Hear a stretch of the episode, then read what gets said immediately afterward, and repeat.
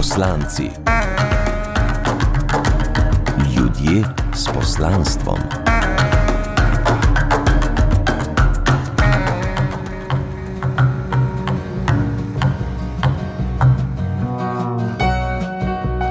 Dobro večer na valu 202 v oddaji poslanci Uroš Macura in Katja Črnila sva z vami. Tokrat bomo odkrivali glasbeno in še katero ne, poslanstvo eh, enega naših najbolj uveljavljenih in priznanih opernih pevcev, tenorista Branka Robinšaka. Dobro večer. Dobro večer vam, Katja, dobro večer poslušalkam in poslušalcem Vala 202. A vas kaj tako le stisne v tej hiši, ko ste mi ravno razlagali? Ne?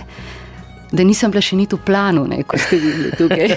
ja, zdaj, ko sem stopil skozi vrata, sva z tem portirjem, ki je Aha. zdaj v službi, ki me pozna vsa ta leta, ugotavljala, da sem jaz pravzaprav prestopil ta vrata. Leta 73, uh -huh. na prvem aplauzu, ne, takrat sem bil še srednježolc in to je kar že ena dolga doba. Ne. So lep, lepe zadeve ja. in lepi spomini. Ne? Niste še bila v planu, a ne da ne? Še kar nekaj let. No, no. Povejte, tako le zvečer ob večerjih, ne, kot je zdaj, recimo, ura, o čem razmišljate, podoživljate kakšne spomine ali ponavadi vadite ne, do 22. še? No, če imamo uh, kakšno produkcijo, uh, potem so vaje do 22. do 10. Uh -huh. Zdaj smo ravno imeli v soboto primer, oziroma prvo predstavo uh -huh. v tej seriji Kneza Igorja v Cankarjevem uh -huh. domu, in seveda so vaje trajale tudi tudi čez deseto, ker je to dost dolga opera. Skratka, ja. Ja. Večeri znajo biti tudi. So ponavadi delovni in naporni. No, ne? jaz imam rad svoje delo in meni to ni noben napor. Grem zelo rad na predstavo, na vajo. Tudi, recimo, danes sem si šel pogledat popoldne drugo predstavo uh mhm. -huh. in zelo vesel, da je tako dobro izpadlo. Da smo so imeli, kolegi so peli, je bila otroška predstava. In, Je super videti stvari od zunaj. Ja, lepa predstava je in bi kar povabil poslušalke in poslušalce. Da si jo pogledajo. Ja. Bova tudi eh, s tem namenom se danes pogovarjala, seveda, da jih malo povabiva, povabiva da jih bo malo zažgečkalo, da vas pridejo pogledat. No, ampak preden nadaljujeva, in čisto kratek portret. Branko Robinšak se je rodil novembra leta 1955 v Mariboru. Kot otrok je obiskoval glasbeno šolo in v gimnaziji pel v aktetu Miloša Zidanška, zatem pa se je upisal na študij geodezije in skoraj da bi šel čisto drugo pot. To se pravi, on se je praktično že poročen, pa odrasel, šel šolati za pevca. Ne? To je poslanstvo, da je to, kar je v njem bilo, da je z trudom, ki ga je imel, to svojo kvaliteto obelodano. V komornem zboru RTV Slovenija, kjer je sodeloval, so ga namreč opazili in ga povabili na Akademijo za glasbo, kjer je nekaj let kasneje diplomiral, debitiral kot Tamino v Mozartovi čarobni piščali in za vlogo dobil študentsko preširnovo nagrado. Branko sigurno ima to izžarevanje, ki je na odru potrebno. Poleg tega pa ima, bom rekla, en tak uh, prividen uh, pristop uh, k sočloveku, ne? to se pravi k sopevcu, uh, tako da se z njim vedno dobro počutim in mislim, da je to pravzaprav najvažnejše za sodelovanje na odru, ne? da ti dane to eno varno zavetje.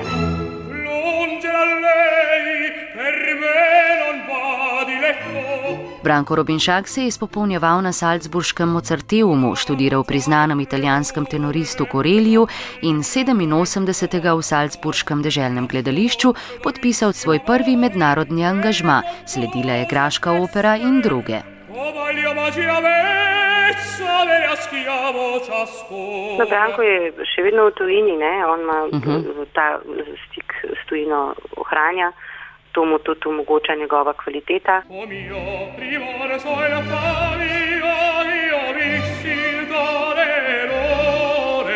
Še vedno namreč veliko nastopa v tujini, od Italije, Španije, Švice, Danske in drugot. V sezoni 2000-2001 se je vrnil v Ljubljansko SNG opero in balet, kjer je nastopil v večini večjih in nosilnih tenorskih vlog. Ja, mislim, da je njegovo poslanstvo to, da goji kulturo in ohranja ter ustvarja umetnost in jo na, na to podari občinstvu. Sama sem, sem zelo ponosna na, na očeta, ker je v, v življenju zelo veliko um, naredil, da je prišel do tega, kar je danes, in njegova karijera je zelo polna in uspešna. Za njim je več kot 50 solističnih opernih vlog in še vsaj enkrat toliko koncertnih. Posnel je več zgoščenk, s posebno ljubeznijo se posveča tudi sakralni glasbi. In ker jabolko ne pade daleč od drevesa, gre tudi hči Martina po njegovih stopinjah. Pevski nauki, ki mi jih je dal oče, pa so, da moraš na odru stati samozavestno in, in uživati v petju, kajti to je največje darilo, ki ga lahko daš uh, občinstvu. No, takole, bolj uh, na kratko, govorili so uh, naša priznana operna pevka Mirjam Kalin, potem vaš prijatelj, sosed, nekoč hokej iz Dare Beraus, uh, vaš sošportnik iz mladosti Blaž Gornik in hči Martina, vse bomo seveda še tekom oddaje slišali. Zelo lepo so povedali, ne? ampak deva najprej razčistiti, kako je s tem vašim priimkom. Ne? To je prav neka taka, obstaja neka taka huda legenda okoli tega. Ja, to eh, je ena verzija, ki obstaja. Jaz ne vem, to je ena moja žlahtnica, se s tem Robinšakom ukvarjala, s tem priimkom, ki bi najmen da po enih pripovedovanjih prišel iz eh, skrajno zahodne slovenske točke Robidišče. Uh -huh.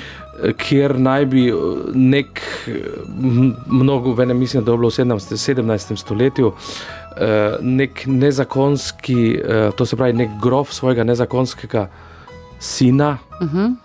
tega predhodnika, tam oddal in tam se bi mu naj pač prijel ta primek. Ro, najprej je bil Robinščak, Aha, ja. potem se je pa zaradi, verjetno zaradi lažjega pisanja v nemški, v Mariboru in uh -huh. uh, torej v, nemški, v nemščini se je potem tisti čas pustil in je bil sam Robinščak. Ampak pravzaprav smo mi Robinščak. Uh -huh, uh -huh. Ampak moj oče je bil zelo. Um, Pozor na to, da se tisti A ni spremenil v E. Če sem jaz rekel Robinšak, so potem Robinšek napisali. Hitreje, in ker je bil oče strašno, kot sem rekel, pozor na to, Aha. sem jaz zatev, začel tisti A poudarjati in je v bistvu zdaj mogoče skozi. Ker ostalo tako. Ja, ne? ja nekako vsi me pod tem priimkom poznajo in tudi pokličijo. Ne?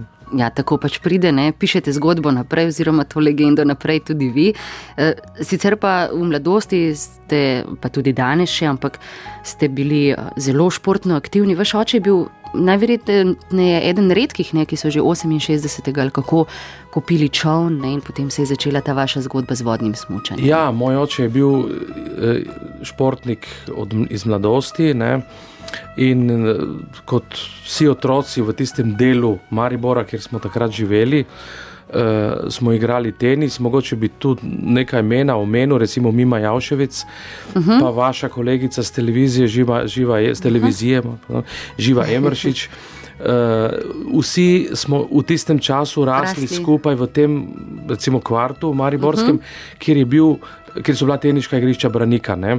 In seveda so nas starši poslali tja in smo potem tam preživljali prosti čas, seveda pod enim nadzorstvom enega uh -huh. izjemnega trenerja, Srečko Taslane, ki je uh -huh. pred nekaj leti nažalost umrl. E, Tako da, da je ta šport mene spremljal skozi mladost. Potem pa je oče kupil ta čovn leta 68, kot smo rekli. In uh, šli smo na morje, v, Mali Loš, in tam sem potem te smočare uh -huh. spoznal, uh, Blaža Boba Gornika. Ja, jaz sem že 70. leta že bil mladinski državni prvak, tako hitro to šlo. Ja. Zelo hitro ste, bom rekla, se vdestovali ne, v tem športu. Kako vas je bilo videti na čovnu? Pa bo povedal več Blaž Gornik, vaš kolega, s katerim ste skupaj takrat tekmovali, trenirali in preživljali skupne čase. On je bil super mlad fant recimo v vodnem smutnju je slalom, figure pa skoki. Uh -huh. In je nekako on bil pri teh figurah zelo dober, praktično tam je bila potrebna ena moč, spretnost, živahnost, ustrajnost pri treningih in se je tam zelo izkazal. No, tako torej nekaj umetniškega ne? in tega, ne? Ja, ustrajnosti no. in vsega skupaj, kar danes pomaga, je bilo že takrat v vas. Ne? Ja, sigurno to je šport, ki zahteva, predvsem disciplina figure, zahteva res nično, veliko ustrajnosti, ker predno se eno figuro naučiš, kar nekaj desetkrat padeš.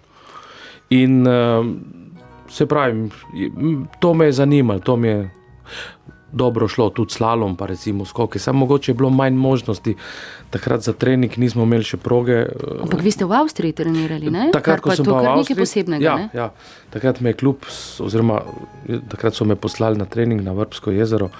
To je bilo za me nebesa, ne? ker pri nas mi smo bili takrat še toliko bolj nerazviti, da uh Mhm. -huh. je bil ta prehod, recimo čez, samo čez severno mejo, prehod v en popolnoma drug Absolutno. svet. Uh -huh. To je danes bistveno drugače.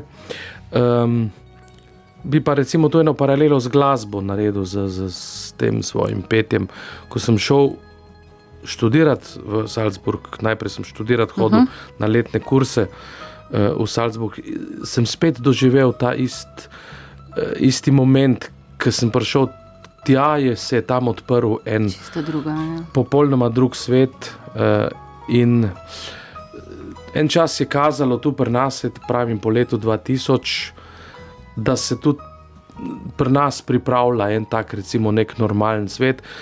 Zadnja leta, tudi delno s to gradnjo opere, nam je pač to bilo malo, bi rekel, oteženo, ni bilo. Uh -huh. Pa tudi problemi v ansamblu, in tako dalje.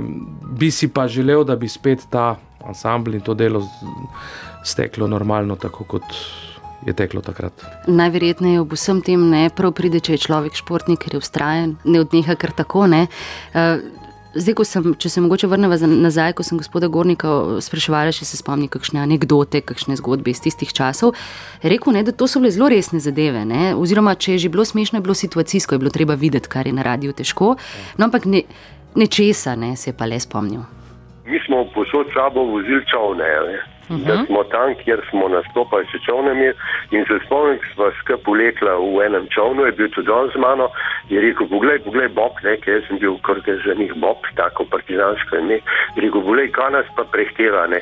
In nas je prehtel kolo od prikolice, s, katero smo čovnu vlekli. ne. to sem Mislim, takrat, zdaj je smešno, takrat ne, ja. ne je bilo dokaj resno. Ne. Joj, to, A? to je bilo, tista tehnika takrat, pa danes to je čist neprimerljivo. Ne. Mi smo takrat resnično tokli, danes rečemo partizanske cajte. Ne. To je bilo čisto, drugega. drug svet. Jaz sem zdaj začel spet ravno z Bobom smučati. Ampak pa jeste potem naslednji dan povležali, ja? Ja, pa sem pa vležal. Ja. Pa rekla žena, zakaj pa ne vstaneš? Sem rekel, zato ker ne morem. po enih 20 letih sem šel, sem si kupil opremo, to je danes pri nas. Tako kot, kot je bilo takrat sanjati o tem, Ja. ne, greš v trgovino, kupiš smočko, kupiš ves, eh, rešilni opič, hlače. Te, tega takrat ni bilo. To smo ali naročali ali smo, Ja. iz Amerike ali pa dobili iz Zahoda in tako. In jaz sem si to kupil in sem se pognal v vodo in najprej dvakrat nisem sploh prišel ven, pa se je uničovno režal, kaj je branči, kaj je, ne gre, ne gre. Pa, pa rekel, ni, ni, ni, ni bil problem, da ne bi znal, ampak posno gotovil, da je pač okoli trebuška en, če dodaten šlavhec, takega takrat ni bilo, ne, seveda enih 20 kg več, pa tudi manj moči, Se poznajo. pa najverjetneje. tudi leta zobržla gačmo, tako pač je ne. Ja, toliko torej v vaših teh zanimivih uh, mladostnih časih, zdaj bomo poslušali malo glasbe, potem pa se vrneva k glasbi.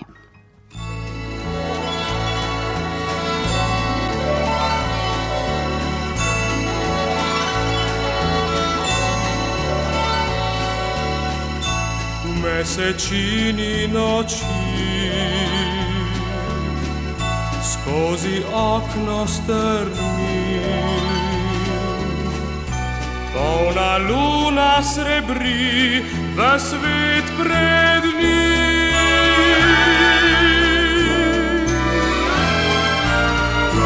Mesečini noči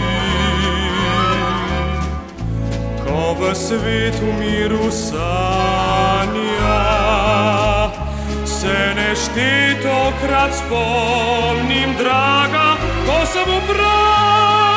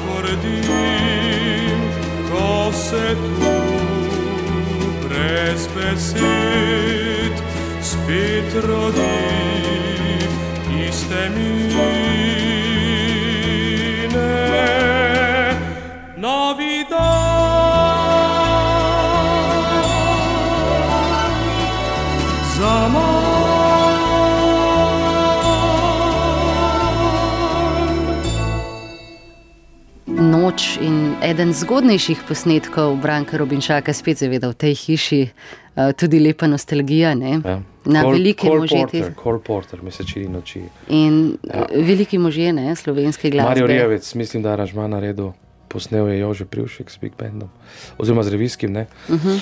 uh, mislim, da je to en drug, drug ali tretji posnetek, moj, solističen. Uh Uh. -huh.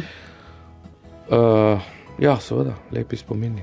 Ja, tudi eden izmed, uh, en izmed spominov so uh, tisti na zasedbo, legendarno zasedbo uh, Pepel in Kri- veliko ste nastopali po Jugoslaviji. Je to dobra šola za bodočega opernega pevca? Ja, lahko je, sigurno. Se vam zdi, tam- da ste dobili dobro kilometrino? No, kilometrino sem dobil, pa recimo, kaj sem se naučil, je bilo tam, da mi smo recimo eh, bili povabljeni recimo, v kakšen studio ali v Zagreb ali v Sarajevo, Sarajevo ali kam. In smo recimo v eni noči posneli spremljevalne zbore za takratne velike zvezde, kot so bili recimo Čolič, pa Tereza, Kesovja. Uh -huh, uh -huh. In mi smo te back vokale snemali. Uh -huh. In jaz sem se recimo takrat resnično naučil brati z lista, kot bi čital tekst, tako sem se naučil note čitati. Uh -huh. Slušalke na uho, orkester oziroma plebek je bil v slušalkah in tak, tak, gremo naprej. Ampak bej ste bili preglasni. To pa vedno, vedno mi je David rekel, da je peti nazaj, tiskam mikrofona tam ali ti Premočen glas. Eh, Povejte mi, a je recimo, pač ne vem in se ne spoznam, a je to tudi ene, ena izmed zadev, recimo, ki uh, jih operni pevec napiše v svoje rezime, recimo za tujino, za Jugoslavijo, za Slovenijo. Ja, gotovo, včasih, ne? v tistih prejšnjih cajtih je bilo to malce celo sramotno. Ne? A res? Ja, A jaz mojo- sem drugače gledala Ja, to. z ja. mojo generacijo se je pa to začelo malo taliti. Uh Mhm. -huh. um, kasneje, recimo, veliki trije tenori uh Mhm. -huh. uh, so pa postavljali čisto ne druge standarde. Je malo sprostili zadevo, Ja, ja. Danes se mi zdi, da je to šlo že celo mal čez. Ne? Vse je treba znati z eno mero enega okusa uh, formulirati. Ne? Vi ste potem uh, v komornem zboru nekako, se upravičujem, so vas uh, odkrili, ne, da tako rečem, uh, in uh, potem ste šli na Akademijo za glasbo. Že med študijem ste bili v SNG opera in pravzaprav dobivali že zelo take, kar velike vloge. Ne? Uh, ste No. takoj zajemali z veliko žlico, no, da tako rečem. Ja, jaz sem bil pač ta glas in takega glasu takrat ni bilo pri nas. Ne? Ja. Uh, seveda so me izkoristili tako in hvala Bogu, da je bilo tako. Moram pa reči, da se je vse to prav tu v teh prostorih, kjer zdaj sediva, ne, začelo dogajati. Komorni zbor je imel takrat vaje tukaj na radiju, dirigiral je Marko Munih. Uh, to je bil zbor, v katerem so bila velika imena pevcev tistega časa, Igor Cirnfeld, uh, Jani Srebot, uh, Ileana Bratuš, Dragica Čarman, pokojna. To so bili takrat resnično zborovsko-solistični pevci, uh -huh. ki so verjetno slišali, da v tem mojem glasu nekaj je in so me seveda um, poskušali prepričati, ne, da bi se. Š, da bi šel nekam, recimo, da bi se šel izobraževati. Najprej sem se spomnil, no, to sem zelo kratek čas, sem pri eni profesorici v Šiški, gospe Čatičevi, eh, študiral, oziroma se učil pet nekaj kratek čas, potem se mi je pa mogoče za trenutek zdelo, da, da pa to verjetno ni, le ni prava stvar, pa poročil sem se, sem bil že mal starejši.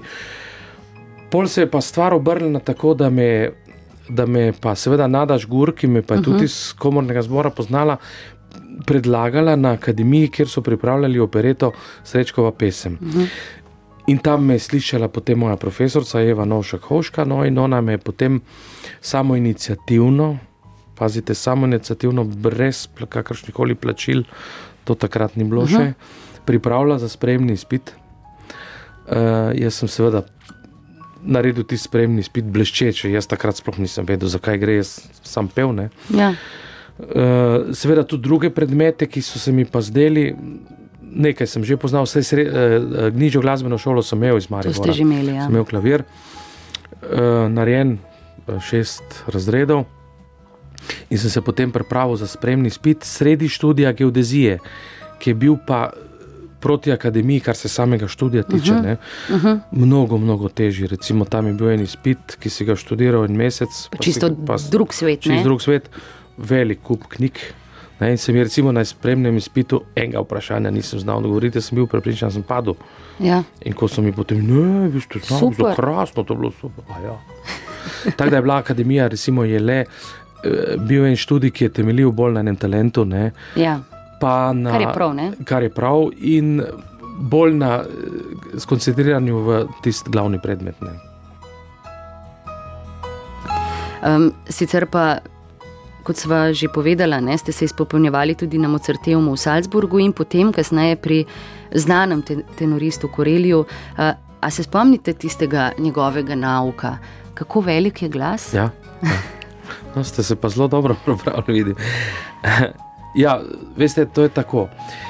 Tu pri nas, v teh naših, recimo, pol-balkanskih prostorih, se je vedno govorilo samo o tem, kako velik je glas, koliko, samo tisti, o tisti veličini uh -huh, glasov, uh -huh. in mi smo vsi bili s tem obremenjeni. In ko sem jaz fah zamenjal, ko sem šel recimo iz lažjega faha v, v težji fah, uh -huh. me je to skozi kljuvalo, ali imam jaz za dost velik glas, ali bom jaz lahko ta repertoar, recimo, eh, kaj zvem, Trubadurja, počinja Tosko in tako dalje, te stvari spravil čez odr do publike. Ne. In ko sem bil enkrat v Kortini Dampeco pri Korelju, kjer je imel eno tako lepo hišo in tam smo tudi vadili uh mhm. -huh. not. E, sva šla enkrat tako po en, en popoldne na en sprehod po Kortini, sva se usedla na en čaj in takrat sem pa izkoristil tisti tist trenutek, sem rekel, maestro, ne, takrat sem ga še vikal, pa sem rekel, dajte mi povedati, da bom, a imam jaz dost velik glas, a bom jaz lahko to, te dileme so me mučile in takrat mi je rekel, pazi, tvoj glas je tako velik, koliko je velika tvoja emocija. Točno tako. Eh, o vašem glasu zdaj vaša kolegica in prijateljica, tudi lahko rečemo, ena od naših velikih opernih pevk, gospa Mirjam Kalin. Če je on poseben, on ima uh, za moj okus izredno lep glas. Eno izredno lepo barvo, uh, toplo tenorsko barvo, ki bom rekla, ni taka. Uh, Tenori imajo včasih zelo tak markanten, štrleč glas, njegova taka mehka, že skoraj mal baritonska in to, men, to je meni zelo lepo pri tenorih. Uh mhm. -huh. Mislim, da je pri tem branku tudi zelo razpoznaven uh, in pa predvsem uh, ta uh, njegov okus in smisel za podajanje tvorine. Ne. Nikoli se mi zdi, da noče biti nasilen ali pa biti v spredju in to je za mene največja vrednost enega pevca, da ima en ta prav okus. Ne. -huh. Mhm. poleg tega, ker mu je pač mati narava dala. In uh, Branko ima še eno izredno vrlino, je zelo, zelo priden. Ne? On ogromno dela in mislim, da se to tudi pozna. Tako torej, hm. Mirjam Kalin. Mirjam, ja. Kakšen komentar? Ja, no, Ona že ve, ne? Ona že ve, ne. Ker tudi sama je tak, na tak način narejena iz takega testa, tudi sama veliko dela in tudi ne se to pozna in ona to razume potem in potem lahko tudi. Komentira, komentira, uh, gospod Rubinšak, vi ste veliko nastopali v tujini in še vedno uh, veliko nastopate v tujini. Se mi zdi, da Slovenci nasploh na no, različnih področjih veliko krat jadikujemo, da ni mogoče priti ven, da smo majhni. Eh, zdaj vam je to uspelo, pa mi vseeno povejte, ali k temu recimo pripomorejo tudi tri, agente, tri agente ne, eh, v Švici no, in ja. v Italiji. Prav gotovo je to način, ne, kako se človek lahko dobi angažma. Ja, brez, danes brez agenta brez tega, ni ne? več možnosti. V, takrat, ko sem pa jaz začenjal, ne, so bili pa recimo dirigenti kot so Hans Graf, ki so samo inicijativno, ker so pač smatrali, uh mhm. -huh. da sem dober, da si to zaslužim, me predstavili, recimo Vilnerju, ki je bil takrat šef Salzburških letnih iger. Eh, pa v Frankfurtski operi, pa tako dalje. Jaz za to nisem nikdar plačal šilinga. Mm -hmm. To je treba povedati, ker danes je to mladim drugače, ne? nepojmljivo. Ne? Danes se te provizije uh, barantajo sem in tja na en grozljiv način, da to že neokusno postalo. Je pa res potem, da agent, ki dela za, za pevca, jasno, da mora vzeti provizijo. No, Ker ti ja. on ima s tem delom tudi ne svoje stroške in jih mora pokriti, to je ja. popolnoma razumljivo. Ampak to je vse v enih mejah. No, včasih gre pa to, včasih tako že čez, da je tudi tu postalo že neokusno. Ne. Povejte mi zdaj malo za šalo, malo za res. Kako pa je potem težko, tako težko priti do uh, nastopa v urodnem Mariboru? ja, to so pa ne, ne take vem, zgodbe, ampak... to bi, zato bi potrebovali celo oddajo. Ja. To je pravzaprav ena zelo žalostna zgodba. Uh mhm. -huh. To je tak ena tipična slovenska naša zgodba. Um, ne vem, ne, celo oddajo bi za to potrebovali, pa še bi koga obtoževali. Bova pustila za drugič. Bova pustila za drugič ja. Tako, uh, Na gostovanje ne hodite sami, pogosto vzamete s seboj tudi hčer Martino, naj pravi, da je videla z vami veliko krasnih predstav, ne? tistih, v katerih ste nastopali in tistih, v katerih niste. Torej, ona vaša prva gledalka, prvi kritik, prva poslušalka ali kako recimo od ja, moja, prvih. Ne? Moja tinča je. Bila otrok, recimo žena je bila v službi, pa ni mogla iti z mano, pa sem vzel Tino osabo, ki je bila kaj je bila stara, sedem, osem let, to se pravi, tudi dosti majhen otrok. Uh mhm. -huh. In jaz sem jo imel s seboj, ona je z mano bila v stanovanju, jaz sem imel zvečer predstave, vaje. Nobenih problemov, nikdar ona je sedela tam, poslušaj. Se tudi moj sin Matjaš, uh mhm. -huh. ko je bil majhen, tudi on, tudi on je pravzaprav je temu sledil, uh mhm, -huh, celo uh -huh. bolj kot zdaj. Uh -huh. Ampak Tina je pa prav izjemen tak otrok, ki je. Je to potegnilo? Potegnilo ona, recimo, tudi zdaj, ko je bila na tej predstavi, še zdaj, ko je velika punčka, oziroma velika punca, pardon, 21 let stara. Eh, ona to kar podoživlja, še potem to vidim kot, kot otrok. Uh mhm. -huh. In prav je, da je tako, ker to je tist, tisto lepo, kar je v življenju. Ne? In tisto pristno. Ja. No, in zdaj bova, bomo vsi skupaj podoživeli še eno skladbo, v kateri vas bomo slišali. thank you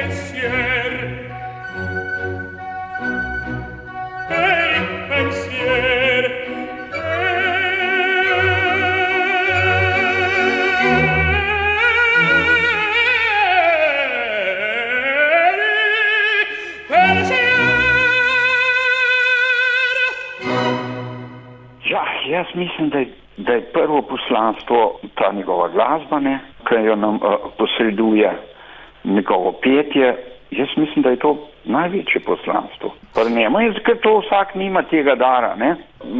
Mislim, da še s tako vajo tega ne moreš doseči, ne. Če tega nimaš vse, če ga že ne nosiš, no. In mislim, da je to je eno tako poslanstvo.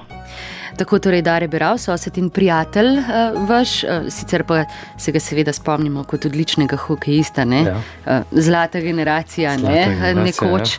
Uh, K njemu se bomo potem še vrnili, imate skupaj zelo pomembne zadeve, počneta.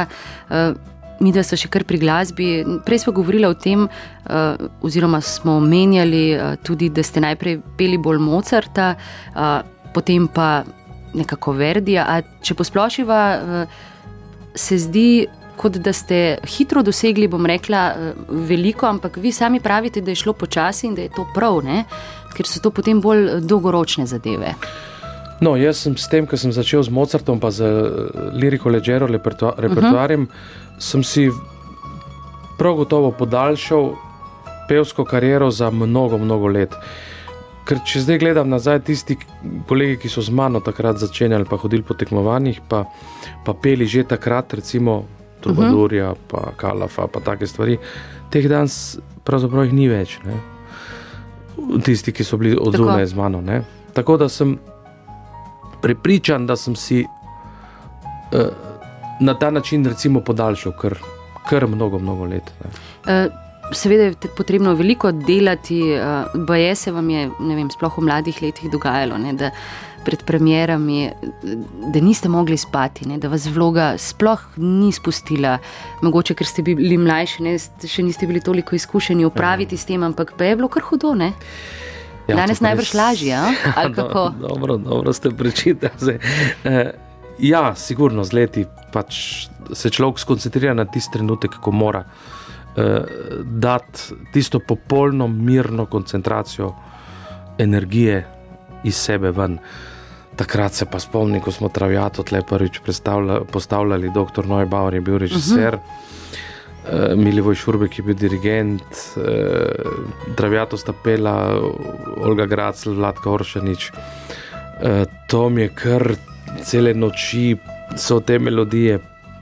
To ni, ni se nehalo, zvečer, ko sem se ulegel, se je začela prvi, prve takti uverture in do zjutraj je to šlo. Ne? Vas ni spustilo. Ja, ja, zdaj to- na kakšen poseben način upravite s tem stresom, ali pač to pride potem z izkušnjami najverjetneje in s kilometrino in z ja, vse skupaj. S kilometrino se znaš eh, obvladati in se znaš, bi rekel, utiriti za tisti trenutek. Tako kot je treba. Ne?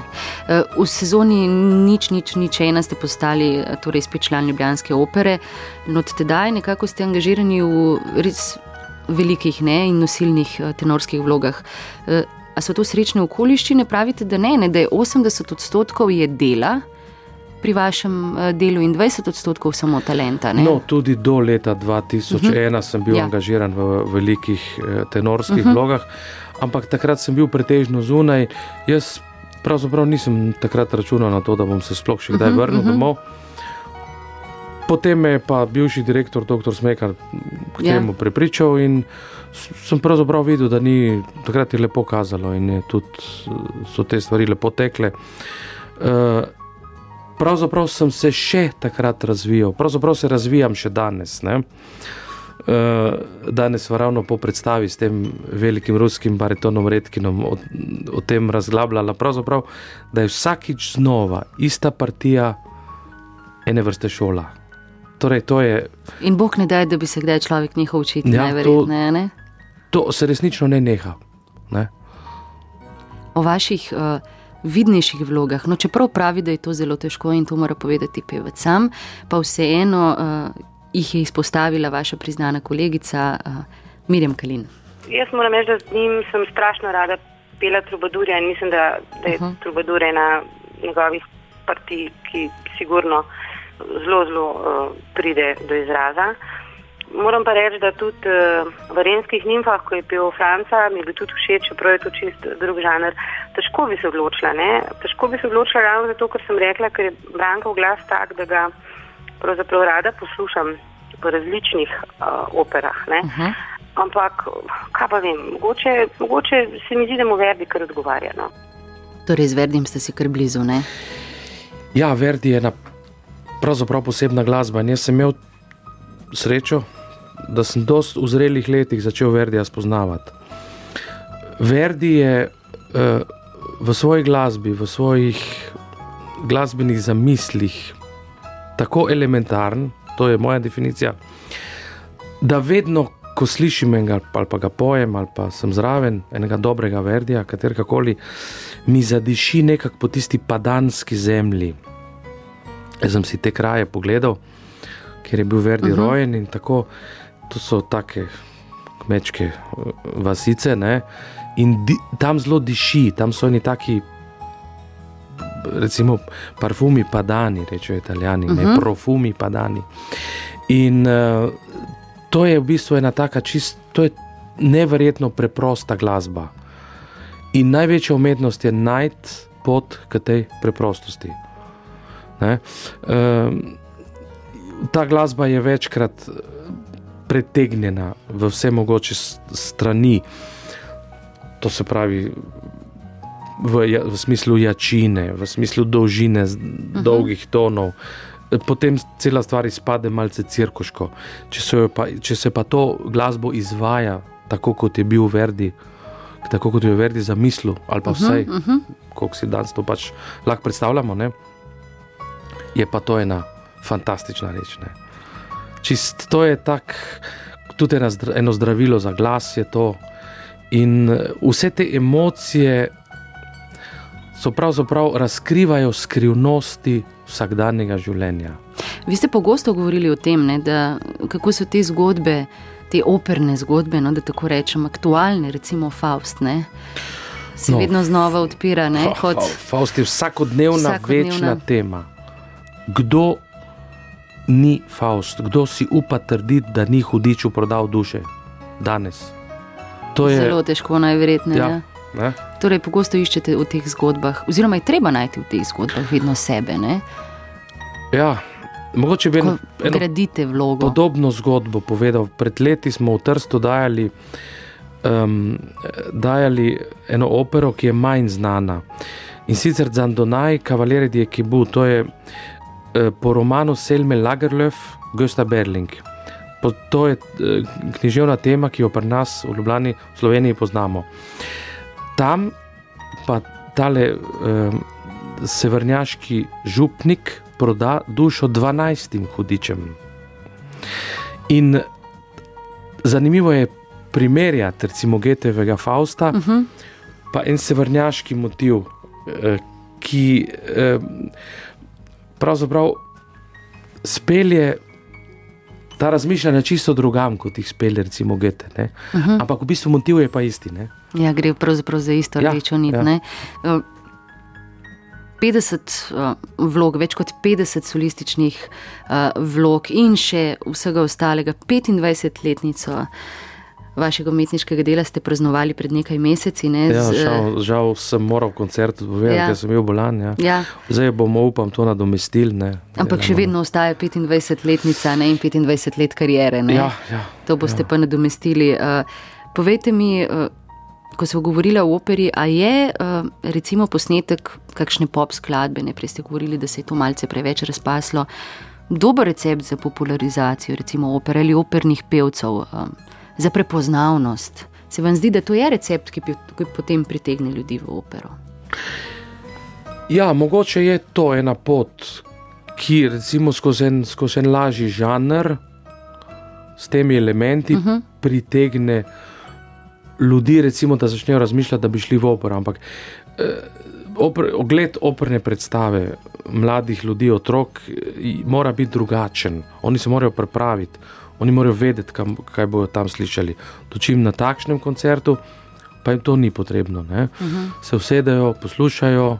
Vsebina ni toliko pomembna. Ni toliko pomembna. Tam pa je vsedin, vsebina že pomembna, ki, ker je treba razumeti pevce, kak, na kak način hočejo to temo pač gledalcem in poslušalcem prikazati. Ne. Um, glede na to, da vas, ko so bile ravno pri prepoznavnosti, da vas slovenci uh, že vse te leta zelo dobro poznajo, uh, o tem en komentar vašega prijatelja in soseda Dareta Peravsa. To pa res moram reči in to tudi cenim, ne, da on ni vzvišen ali pa tako, ne, čeprav v, v svetu glasbe pa res nekaj pomembne. Ampak ni zaradi tega vzvišen, on je priprost do vseh ljudi in to je njegova velika vrlina. Ne da ima pristop do, do vsakega človeka enak ne, in, in pozitiven. Tako. No, tako torej, da je Braus, kot vas vidi on od zunaj. Ne, uh, imate kakšna srečanja, recimo, z, vas kdo pocuka za rokav? Ja, veliko krat. Veliko krat. Vel, vidim, da me, da me, kljub temu, da nisem recimo estradnik ali pa pop zvezdnik, da me vseeno ljudje poznajo. Ne? In pravzaprav prav je tako, se zato to počnemo, ker mi smo tisti, ki moramo to ljudem dati. Zato in. smo tu. Pa je, imate, to vemo, ne, da imajo pevci hude strahove okoli prehladov in podobnih zadev, ampak to zdaj ni več najhujše. Ne. Najhujše je onesnaževanje, onesnažen zrak, ki pa je zelo škodi ja, vam. Kot. Danes smo pravzaprav vsi, vsi zemljani, vsi stanovalci tega planeta. Uh, resnično obremenjeni s, s to polucijo, s tem nasneževanjem.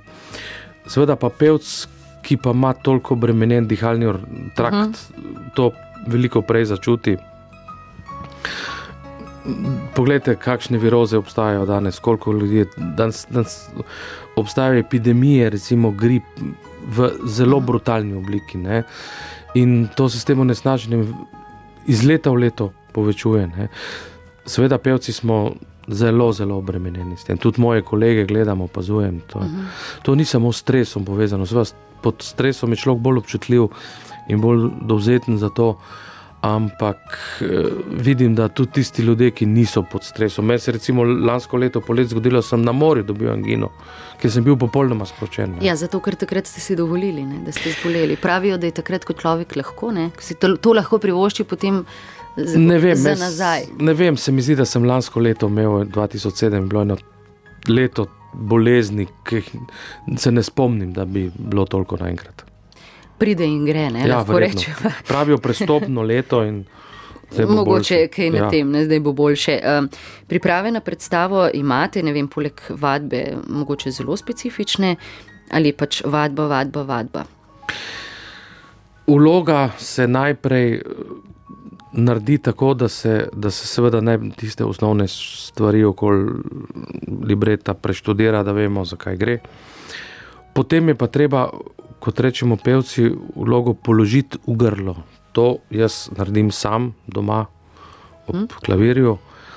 In potem tako daleč to naredim, da sem na prvi repeticiji že pripravljen, da s pianistom ne bereva tam, ampak že izdelujeva uh -huh. sklope taktov. Uh, in tako iz ure v uro, recimo, če se mi zelo mudi, če sem bil zelo priden, enkrat sem imel zelo en tak kratek čas za naštudirati eno težko partijo, recimo uh, um, v Ariadni uh, na Naksosu. Um, in sem v deveto korepeticijo Bakusa že pel na pamet, ker sem se pač sam doma to že toliko pripravili. Ja, ja. Ampak še ena zadeva je, da je testenine s paradižnikom, omako pred predstavo ne gre drugače.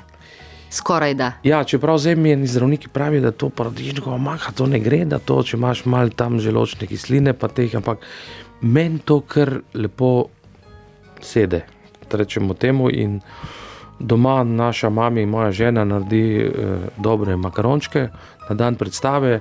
Cela Točno družina ve, da bomo ne? jedli makarončke. Aha. Ati ima koncert ali pa predstavo.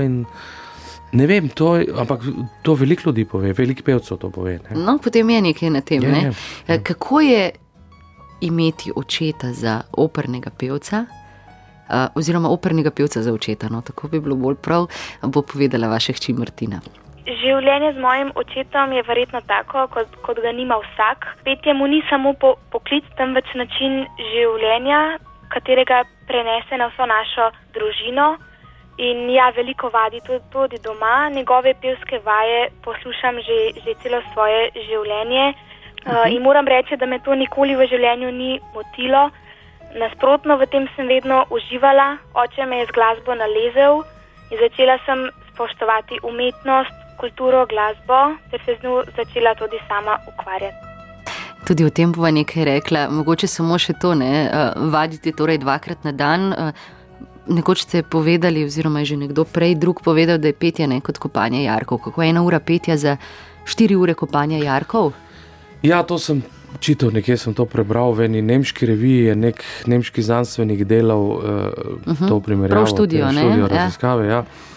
Uh, resnično po predstavi je, sem cunja, ne, Mm. ne morem nič. Ampak vaš sin Matjaš ne pa Ja. ja. pravi, da, da tako nič, to ni nič. Ne? No, no se je to ma- malo zašalo, malo Ja, ja, za res, ne, Matjaž ker gre za čist malo- različne Ja, poglede. Ja, ne. moj sin je zajadral čist v ene druge vode in je, sicer, in je končal družboslovno uh Mhm. -huh. informatiko na FDV-ju in je danes že poslovni direktor v, v družbi, oziroma menedžer, direktor v družbi Kati, uh Mhm. -huh. bivši zdaj Valikon. In je odplaval čist, čist drgam. In, Ima drugačne poglede ja, na delo. ne. kar v redu, tako nič ni narobe. Ja. Ja, skratka, pri otrocih je treba začeti na začetku. Ne? Uh, vaša hči Martina je torej nekako okužena z glasbo in s petjem. Zdaj, nekoč ste vi izjavili nekje, da niste čisto prepričani, da bi še enkrat šli vse isto skozi. Kako gledate zdaj na to, na to da se nekako je zelo prijelo tudi vaše hčere? Ja, se, se jo je, sam jaz bi si želel, da bi moja hči več vadila, več delala, več se pripravljala. Eh, Moja hči študira slovenistiko mm. na, na, na filozofski fakulteti v Ljubljani. E, trenutno je situacija taka, da bi raje videl, da to dela kot hobi, ne? ker je resnično prostor postal tako ozek in ti mm. mladi, ki danes začenjajo, Ni lahko. Ja. jim ni lahko in uh, vsaka jim čast, če so se za to odločili. In jaz jim vsem iz srca želim veliko, veliko sreče, kajti edino to bojo potrebovali. Ne? Nekoč sta s hčerjo eh, tudi skupaj nastopila, Ja. več Martina. To je bil eden najlepših trenutkov v mojem življenju. Delala sem na projektu v četrtem letniku na Valdorski šoli. O muziklu sem napisala knjigo kot nekakšno projektno delo in pa imela sem celo večerni koncert z najbolj znanimi songi iz muziklov, spremljavo kla klavirja, za katerim je, je, je sedela Urša Lah. Torej, oče je, je na tem koncertu zapel en song sam, to je bil Marija iz muzikla West Side Story. Na to pa sva skupaj zapela duet Tonight iz istega muzikla in pa Ola Jasko View iz muzikla Fantom iz opere. Zdaj, ka, kako je prišlo do tega? Potrebovala sem so pevca, so tenorja, komu drugemu bom pa rekla, če ne očetu. Mislim, da te priložnosti pa res nima vsak in na, na to sem bila zelo ponosna in hvaležna očetu. E, to je bilo res lepo doživetje in na, na odru sem res uživala, saj sem publiki pokazala svoje dolgotrajno in trdo delo. No, tako. Ja, in še to moram nima vsak dodati, ja, da je rekla, oči, jaz ti dam šanso, Aha, jo, šanso, tako? da boš pil z mojim. Ja. No, saj to je nekaj Ja, se je, se je, seveda, sigurno, da je. se, to je tudi za me lep, lep, verjetno najlepši trenutek. Zdaj bova pa slišala West Side Story, Marija in seveda vas. The most beautiful sound I ever heard. Maria, Maria, Maria, Maria.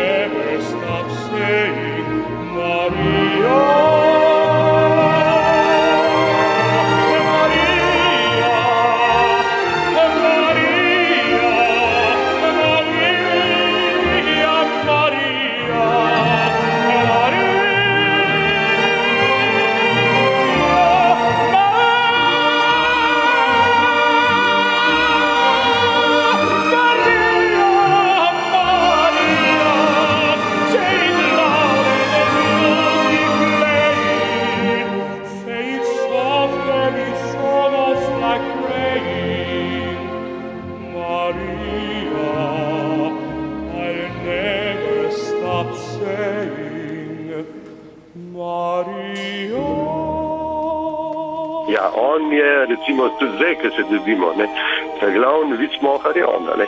On, ja, ja, on je, zna tudi to ponašati, strašno opozičevalc, ne. Tako kot Saša Hribar, ne, sem na drugih področjih, super, super je, lušni človek. Tako da ga mogli vi, ko ga proste ga malo vprašate, da bo kakšen vic okoli tega povedal. Ha, ha, ha. No, a, a, a, recimo to ponašanje, pa je vam gre italijanska angliščina zelo dobro od ust. A, to je Bob povedal, ja. Stanley in Oli, črto, črto, to je od zglišča. A, to, to, to, no, to krasno. To, samo, Ja, ja, da ja. smo mal, mal, Ja, ja. mal za okus dobili. Sicer me pa res, Sašo Hribar, me, moram reči, da me z njegovo salome me je, mislim, da me je zalepil. No. In na, ta, na to foro smo imeli toliko vicov in prolužno bilo. Skratka, to so tiste, še tiste drugo umetniško, ne humorno Ja, umetniško, ja, ja, ja. ja. umetniška plat. Ja, Branka humor brez, brez humorja ni življenja. Jaz mislim, da ne bi preživel, če ne bi. Jaz toliko vicov okoli razlagam, pa jih tudi poslušam. pa to. A imate kakšnega za zdaj? Kratkega. Ja, imam, ampak ni čist, ne morem. Dobri. Zdaj smo večer. Bomo dali uh, tisti znak kot na televiziji, Ja, ja, ne, da prepovedano za otroke. Ne, ja. zdaj mi ne pade. Prav trenutno mi noben ne pade. Ko je sezona in lepo vreme, ni debate. Vaš sosed in prijatelj, torej uh, omenjali smo ga že in ga slišali, nekdanji hokej zlate generacije, Darje Beravs, vas je pred leti dobesedno cepil s kolesarstvom. Ne? Ja, Ni rešitve tukaj. Dare me je zastrupil s kolesom, ampak Katja midva sva tudi bivša soseda ne, in Tako. poznava tisto okolje. Tam, uh, tam je več kolesarjev, ne, tam moramo omeniti tistega, ki je najbolj glaven od vseh. Uh Mhm. -huh. To je pa Ivan Kastelic. Uh -huh, uh -huh. In Ivan je bil tisti, ki je tam celo soseščino zastrupil s tem kaljesem, rečejo, tako Ja. lepa sukarsk, ne s kaljesem. In zdaj nas je, kaj zvem, se nas je enih 4-5 nas je, ne. Čista taka ta prava ekipa. Ne? No, tak old boys se temu reče. Eh, ne več rosni mladeniči, ampak Zagrizeni, zagrizeni. Zagrizeni, To mi pa ja. Peljemo tam v Polhogradske dolomite. To je pa Resna to je pa zadeva. resna, resna zadeva in to je raj na zemlji. Tam, to, to je tako lepo, ko se v tiste hribe tam s kolesom človek pripelje. Takrat pozabiš vse te gobe, vse. No, krasen recept takole za naše poslušalce. ne. Ja. Eh, Dare Bravs bo zdaj povedal eh, en stavek o tem, kaj pri vas ceni takole nasploh, ne, ker ste že dolgoletna prijatelja in kaj ceni pri športu z vami. Ja, tako da, če se nekaj zmenimo, da drži besedo, da, da, da fu, to me, to me pri njemu najbolj ne. Da pošteno odgovori, če ga vprašam, kaj o, o, o, o, o, o kakšen svet, pa to. In to se mi zdi. In, in pa da je pa športu, ne, ker jaz sem bil tudi športnik včasih, da je pa res on, mislim, tak, da, da zagrizen in da, da nismo še tu, če se cesta po koncu postavni, stopimo dol iz kolesa. Ja, stopamo, stopamo. Ja. Ni variante. Ja. Zdaj, ko sem ga poprašala, če imate kakšne, uh, vmes kakšne postanke, ne, take, ne vem. Malica, eh, kosilo, ponavadi si ljudje najdejo, ne, najprej šport, potem pa na fajn večerjo. Ja. Pa, pa je nič tega ni. No, postanemo že, ampak recimo pirčkov pa to med kolesarjenjem bil- ne, ker ne gre naprej. Pol. Ali pa nazaj. ne. ja, ali pa nazaj. E, drugač pa, o ja, se ustavimo, se ustavimo. Na vrhu na Šitjoštu, Brunarci, pa kralje, na kraljih vse se. Ja. Ampak pa je se zelo razburte, tako kot kakšna guma poči ali pa veriga dol Je pade. ne. zelo resni in tudi oprema mora biti tako, kot je treba. In skratka, tukaj ni heca. Ja, takrat zaupije, da je glavnina, gre naprej hitro zamenjati, gremo, gremo. Eh, 1200, 1300 km A več? več. 2800 letos. A, Ja. potem sem jaz to na sredi sezone dobila. Ja, ja, ja. Nekaj takega. Um, kaj pa zdaj po zimi počnete? Po zimi pa postavim kolo na, na, take, na take valarje. Ja? Na trenažer se temu reče, Ja? ja? in gonim Aha. Noter, ker ven se ne upam iti, ker je zrak premrzel za me, pa Tako. ne grem ven. Ne. E, Mi je pa zelo žal, recimo, da se ne morem, da ne morem smučati več, smučal sem celo uh -huh, življenje. Uh -huh. Ampak zdaj sem ven z tega, zrak je tudi mrzel tam. Če imam nastope delo, Ne gre, ja. ne morem prvoščiti tega. Ne. Um, Branko Robinšak doma, pa takole, Martina. kdaj pa kdaj se, se pokaže kot strok, saj želi imeti v hiši red. Prav tako je veliko krat pod stresom, kadar ima veliko predstav in zna biti tudi malo siten včasih, vendar to dru, družina razume in z mami, kadar je bolan, zelo lepo skrbiva za njim. V hiši zelo rad dela, v glavnem se sa, pomiva po tleh, uh, kopalnice sicer ne čisti, vendar želi, da je vedno čista. Zelo rad dela tudi po vrtu, kosi travo, striže ograjo. Skratka, lahko bi rekla, da v delu uživa, potem pa, ko je pa čisto, pa uživa še, še bolj. Obožuje pa tudi mamina kosila, ki ga vsak dan sveže skuhana čakajo na mizi. No, zdaj me je pa izdala, moja hči me je izdala. Pa marsikatera ženska bi si zdaj rekla, Madonna, ta zdaj Ja. bi pa tudi jaz imela Ja, doma. se da to sem pa, Mm? se fajn, da je to na a to se- To se dobro sliši. Ja, ne? dobro se sliši. No, ampak lepo je slišati. To se mi zdi, da ste fajn, eh, fino pokompenzirali doma. ne. Vi tako le tudi po hiši, kaj eh, ženske pa dobro skrbijo za vas, ne? Eh, Ja, pa hrana ja. in ostale zadeve. Ne? Poglejte, mi tam živimo v enem zelo lepem okolju ne, in Vem. moramo biti pravzaprav srečni, da, da smemo in lahko tako živimo. Mi smo malo ven iz Ljubljane, ne, uh Mhm. -huh. smo na čistem zraku, eh, imamo vrt okoli hiše in, in to je resnično božji dar, bi se temu reklo. Zdaj malo za hec, pa čisto na kratko za konec. Kdo nosi zdaj hlače pri vas v hiši? Kdo od vas, ali muca snupa, če še imate, ali Ja, snupo pa, mozo še imamo, ja. pa, ali pas Beno. Beno Kdo je tudi. ta glavni? Ja, zdaj imamo pa še enega, ki smo ga pa poleti našli tam vizavi vaše hiše, bivše, ne, uh, ki je pa star zdaj, kaj, pol leta je star, Aha. mucek, ne. Tako da Aha. imamo dva mucka, snupo, pa tega mucka, uh, uh, leva in benota. Ne. Zdaj te živali so, v glavnem se okoli njih vse vrti v hiši in pač imamo jih radi in eh, fajn je, da so živali pri hiši. Ne. Kar pa seveda to, da se vse vrti okoli živali, razume vsak, ki je kdajkoli imel doma kakšno Tako je. živalco. ne. Eh, Branko Rubičak, najlepša hvala za obisk na valu 202. Hvala za povabilo in pozdrav vsem poslušalkam in poslušalcem. Hvala, lahko noč. Lahko noč. Danes zvečer.